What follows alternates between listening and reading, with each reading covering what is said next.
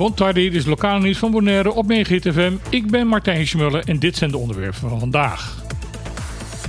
Basisschool Koraal zal binnenkort geen privéschool meer zijn.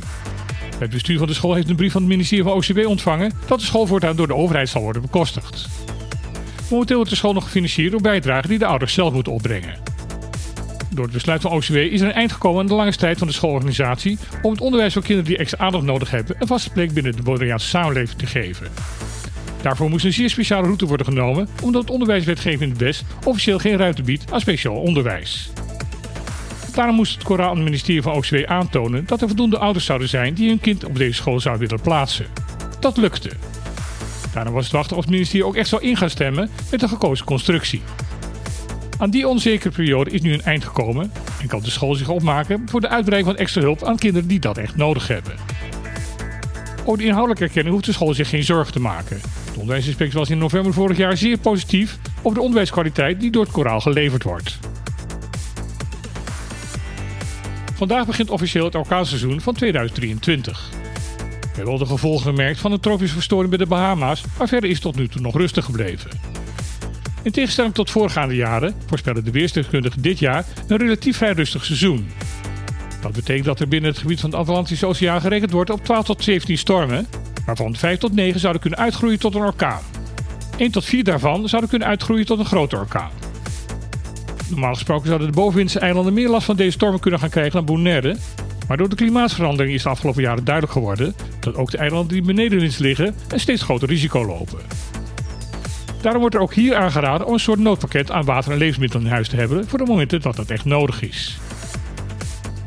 Curaçao rekent weer op de komst van 3 tot 400 boten die uit voorzorg beschutting komen zoeken in de natuurlijke haven van het eiland of op een van de vele andere beschutte ankerplekken.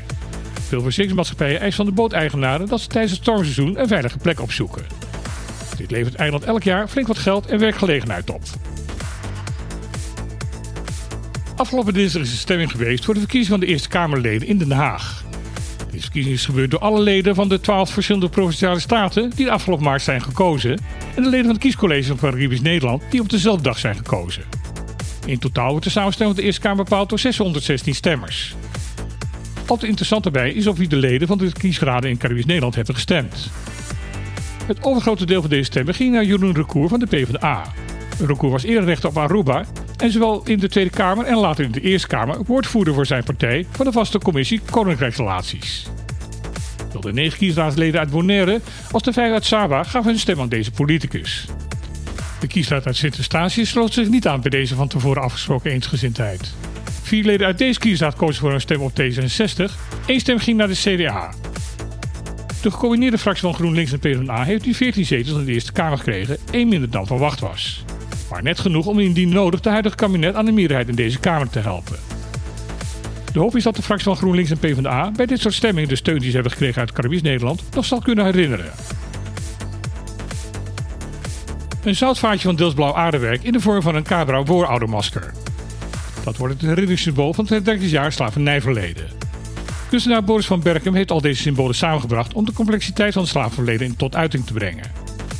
Zout omdat dit een heel belangrijke rol speelt bij de slavenhandel. Zonder dat zout waren de lange reis van Afrika naar Zuid-Amerika niet mogelijk geweest. Daarom werd dat zout ook gewonnen op Bonaire door tot slaafgemaakte. Het deelsblauw aarwerk vertegenwoordigt de Nederlandse rol in het slavernijverleden. Maar de kleuren wit en blauw verwijzen ook weer naar de Afrikaanse cultuur.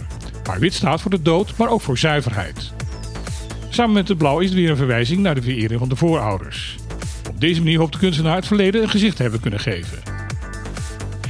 Dit was weer de lokale nieuws van Megid FM. Ik wens iedereen een goede dag toe en dan heel graag weer. Tot morgen.